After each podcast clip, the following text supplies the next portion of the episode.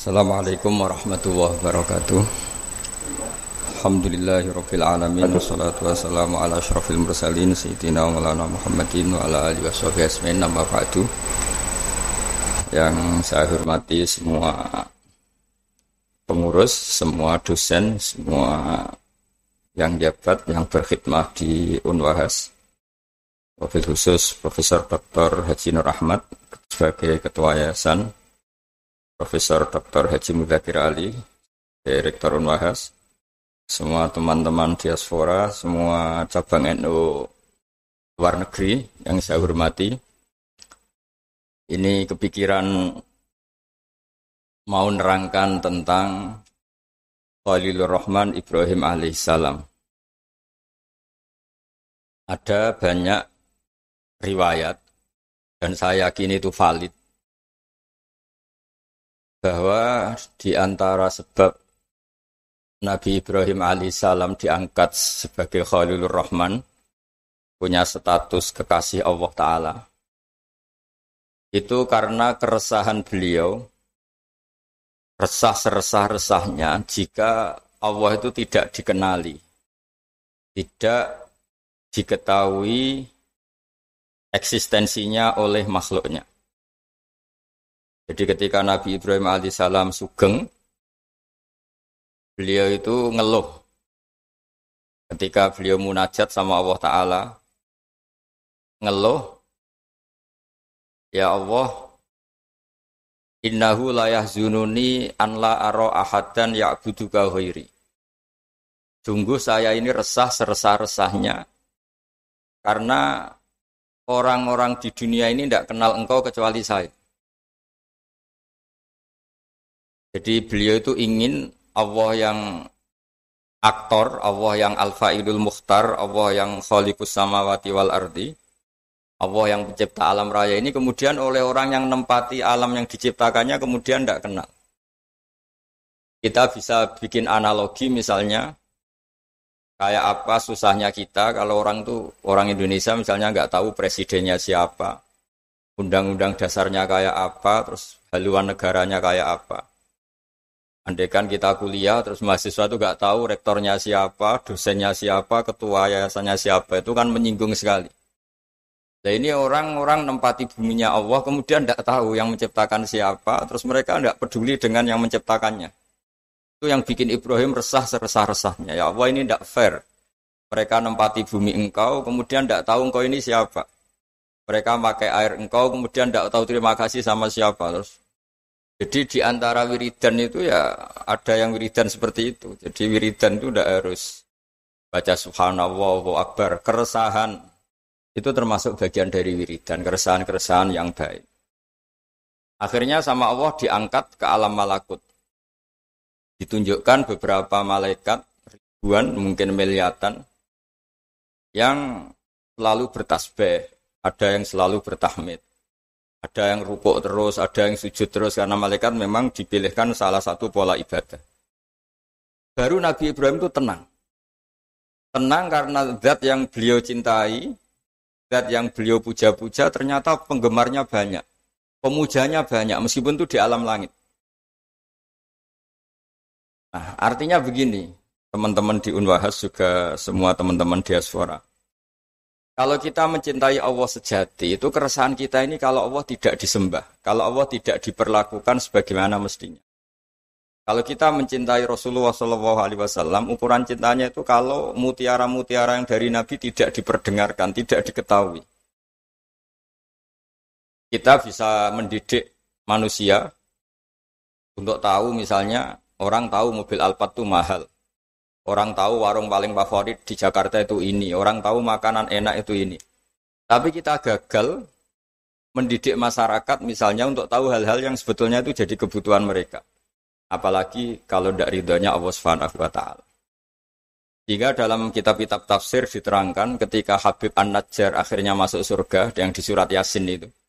Baca min aqsal madinati rajulu yas'a itu. Itu pertama beliau masuk surga karena mati dianiaya karena berjuang itu. Ketika kilat khuril jannah. Pertama yang dikatakan apa? Qala ya laita qaumi ya'lamun bima ghafarali rabbi wa ja'alani minal mukromin. Ketika beliau wafat dan akhirnya masuk surga, pertama yang dikatakan beliau itu, Ya Allah, semulia ini derajat saya sebagai orang baik, meninggal langsung masuk surga. Apa yang diinginkan beliau? Ya laita qaumi ya'lamun bima ghafarali rabbi. Wah, andekan derajat seperti ini kaum saya tahu betapa nikmatnya orang bertauhid, betapa nikmatnya orang yang bersujud, betapa nikmatnya orang yang jadi orang hamba Allah yang benar. Ya laita qaumi ya'lamun bima ghafarali rabbi wa ja'alani minal. Nah, di sini unggulnya lembaga-lembaga pendidikan, bahas maupun yang lain bahwa Ketika kita pinter jadi profesor, ketika kita pinter jadi doktor, ketika kita pinter jadi kiai, amanat pertama dari Allah itu apa? Kalau orang sudah pinter itu wajib mengajar, wajib mengertikan yang tidak ngerti, minterkan yang tidak pinter, karena nikmatnya pinter ini harus dirasakan orang banyak. Dalam sebuah tafsir Imam Syarawi ngendikan, Rasulullah itu target terbesarnya adalah nikmati hal-hal yang harusnya menjadi kenikmatan abadi. Misalnya umumnya orang itu kan bilang bahwa nikmat itu ya makan yang disenengin, ketemu orang yang disenangi, ketemu acara yang disenengin, yang disukain. Tapi itu Nabi mengajarkan kita nikmat itu ya sholat. Arifna ya Bilal, tolong saya kasih istirahat dengan sholat. Kita bisa bikin analogi, kalau kita punya problem, pasti ingin ketemu orang yang punya kekuatan untuk menghilangkan problem itu. Kalau kita ingin punya hajat dan ingin solusi, ada solusinya, pasti ingin ketemu orang yang mengendalikan hajat itu, yang bikin solusi. Jawabannya, siapa pun makhluk itu pasti punya keterbatasan. Siapa yang tidak punya keterbatasan itu? Hanya Allah Subhanahu wa taala.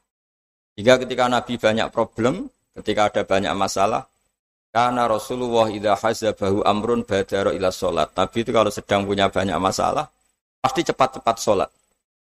Jika dikatakan wasta'inu bisobri wasolah. Kamu minta tolonglah dengan konsisten sabar dan minta pertolongan dengan sholat.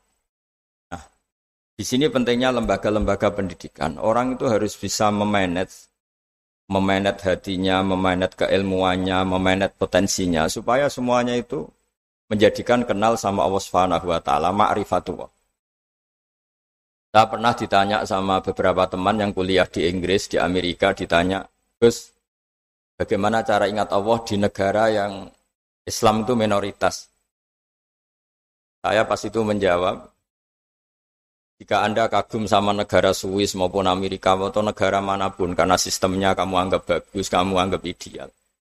Tetap saja semua sistem ini berjalan karena ada bumi yang dipakai pijakan. Ada air yang dipakai minum. Ada oksigen yang bisa dihirup. Tanpa itu semua nggak ada gunanya sistem yang baik. Sehingga urusan pertama utang jasa kamu pada Allah yang bikin bumi kamu pakai pijakan, yang bikin air yang pakai kamu minum, bikin oksigen yang kamu hirup. Jika utang jasa hubungan kamu itu nomor satu tetap sama Allah Ta'ala. Baru kedua dengan hubungan makhluk. Nah ini penting supaya orang tahu bahwa nomor satu dari semua itu ya tanazzalul amru bainahunna li ta'lamu anna Allaha ala kulli syai'in qadir wa anna Allaha qad ahata bi kulli syai'in ilma. Jadi penciptaan langit bumi dengan segala proses sosialnya, dengan dinamikanya, semua itu pelajaran li ta'lamu anna Allaha ala kulli syai'in qadir supaya kamu tahu bahwa Allah itu maha kuasa. Jadi saya tidak bisa ngasih tausiah banyak-banyak, tapi saya pastikan di antara ciri khas orang benar, orang baik, itu resah kalau satu ilmu itu tidak tertransformasi, tidak tersalurkan kepada yang lain.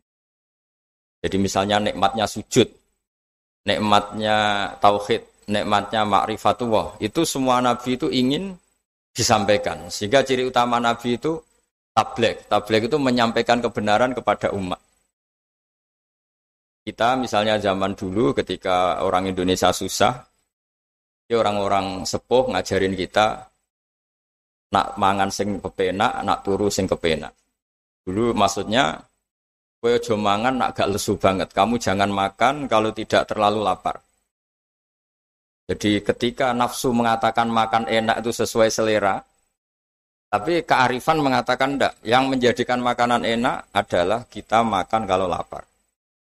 Ibarat orang puasa itu, orang puasa makan tempe, sama orang yang sudah kenyang makan sate itu enak orang puasa makan tempe karena karena lapar. Sementara yang makan sate, makan pizza sudah kenyang sehingga tidak enak. Terus tidur yang enak, maksudnya jangan tidur kalau tidak terlalu ngantuk. Nah, ilmu-ilmu seperti ini, seperti idamuhu alju. Ketika dulu ada ulama yang makanannya sederhana ditanya, lalu lauk kamu itu apa? Idamuhu alju. Lauk kami adalah lapar sekali. Itu kearifan. Jadi orang menjadi nyaman makan itu bukan karena menunya sesuai favorit kita, tapi karena alju. Sangat laparnya, sehingga nikmat betul makan itu. Nah, kearifan-kearifan seperti itu dulu semua nabi, dulu semua rasul, semua ulama, semua wali.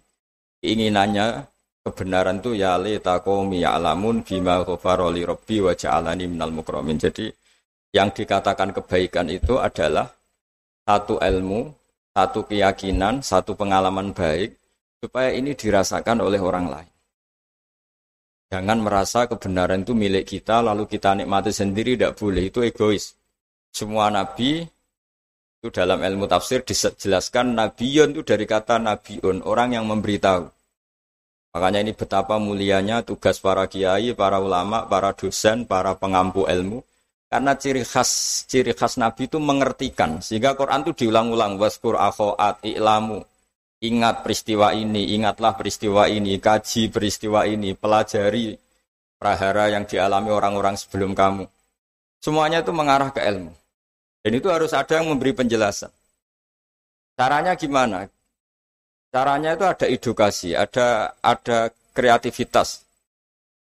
Nah, dulu yang paling dianjarkan Quran adalah Durbul Amsal. Durbul Amsal itu bikin analogi yang orang paling nggak paham pun itu menjadi paham karena gampangnya analogi tadi. Jadi sebagai penutup saya memberi analogi dulu orang-orang kafir Mekah itu Tuhannya itu banyak, yang dipertuhankan banyak. Itu ketika mereka supaya mau bertuhan satu. Ulang lagi, ketika mereka mau bertuhan satu. Dan mereka, orang Arab zaman dulu berpikir kayak mirip-mirip orang Cina. Kalau problem banyak, ya Tuhannya harus banyak. Hingga ketika Tuhan satu, kata mereka, Aja alal alihata ilaha wahida innaha adalah syai'un ujab. Masa Tuhan satu, padahal problem kita banyak. Allah bikin analogi dua kali. Saya sering menjelaskan analogi ini. Pertama, yang terkenal itu, jika kalian punya majikan banyak, kemudian perintahnya beda-beda. Sama punya majikan satu, perintah satu milih mana? Mereka bilang suka punya majikan satu. Tuhan kamu itu majikan kamu. Kalau Tuhan kamu banyak, perintahnya banyak, beda-beda. Kamu yang bingung karena harus taat sama majikan banyak. Akhirnya mereka bilang, ya sudah Muhammad Tuhannya satu saja disebut masalah rojulan fihi syuraka umutasya kisu nawarojulan salamal di rojul. Yang kedua ada analogi yang menurut saya sangat-sangat menyentuh hati. Dorobalakum masalam min anfusikum. Halakum mimma malakat aimanukum min syuraka afi ma rusakonakum fa antum fihi sawa. Takhafunahum kakhifatikum anfusakum. Jadi makna gampangnya gini ya, kalau Anda beli mobil Innova misalnya, mobil itu kamu beli dengan uang kamu, hasil kerja keras kamu, dari warisan orang tua kamu, dari apa saja semuanya yang beli itu materi yang milik kamu. Setelah kamu beli mobil, kemudian ada orang yang merasa punya mobil itu kayak kamu. Gaya makainya kayak kamu, gaya menguasainya, menguasainya kayak kamu.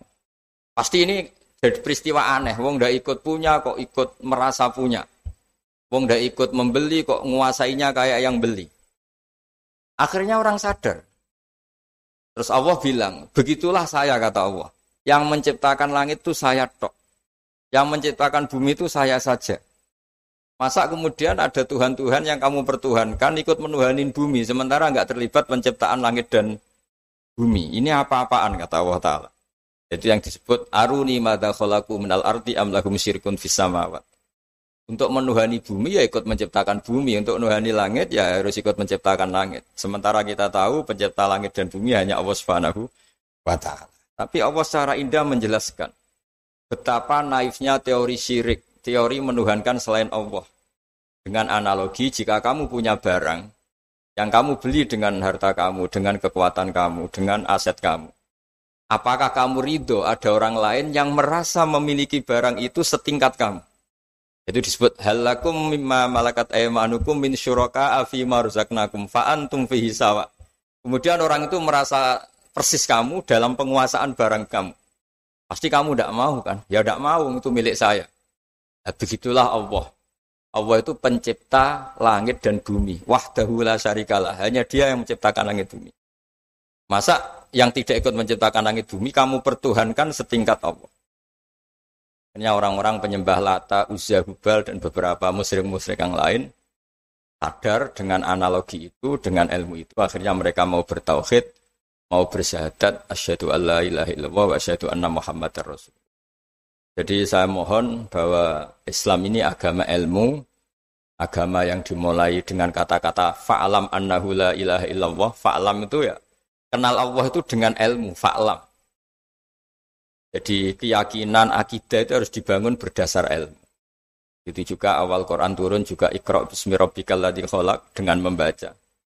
Dan ketika Allah mengenalkan sifatnya di surat Iqra juga yang dikenalkan apa? Iqra wa rabbukal akram alladzi 'allama bil qalam. Allah itu siapa? Zat yang mengajar. Allamal insana malam ya alam. Allah itu siapa? Zat yang mengajarkan ke manusia apa yang mereka tidak tahu. Jadi Semoga ini jadi motivator, motivasi. Semoga para rektor, para dosen, para yayasan, para teman-teman di luar negeri semuanya punya semangat mengajar. Karena di antara sifat Allah yang disebutkan adalah Alamal insana malam ya'lam. Allah itu siapa? Zat yang akrom, yang dermawan, yang baik, yang saho, yang rohman rohim. Kemudian Allah itu siapa? Alamal insana malam ya'lam. Zat yang mengajarkan apa yang tidak diketahui manusia. Jadi betapa mulianya mengertikan yang tidak ngerti. Ya, saya mohon maaf karena saya punya wazifah banyak. Ini sudah agak makso nuruti karena ya ada alakoh lah, ada alakoh dengan unwahas. Karena saya juga pengagum Gus Wahid. Saya punya buku tentang Wahid, punya buku banyak tentang beliau. Beliau adalah tokoh muda NU yang jadi Menteri Agama tapi wafat muda. Dan terima kasih atas kesempatan ini. Mohon maaf atas semuanya. Wassalamualaikum warahmatullahi wabarakatuh.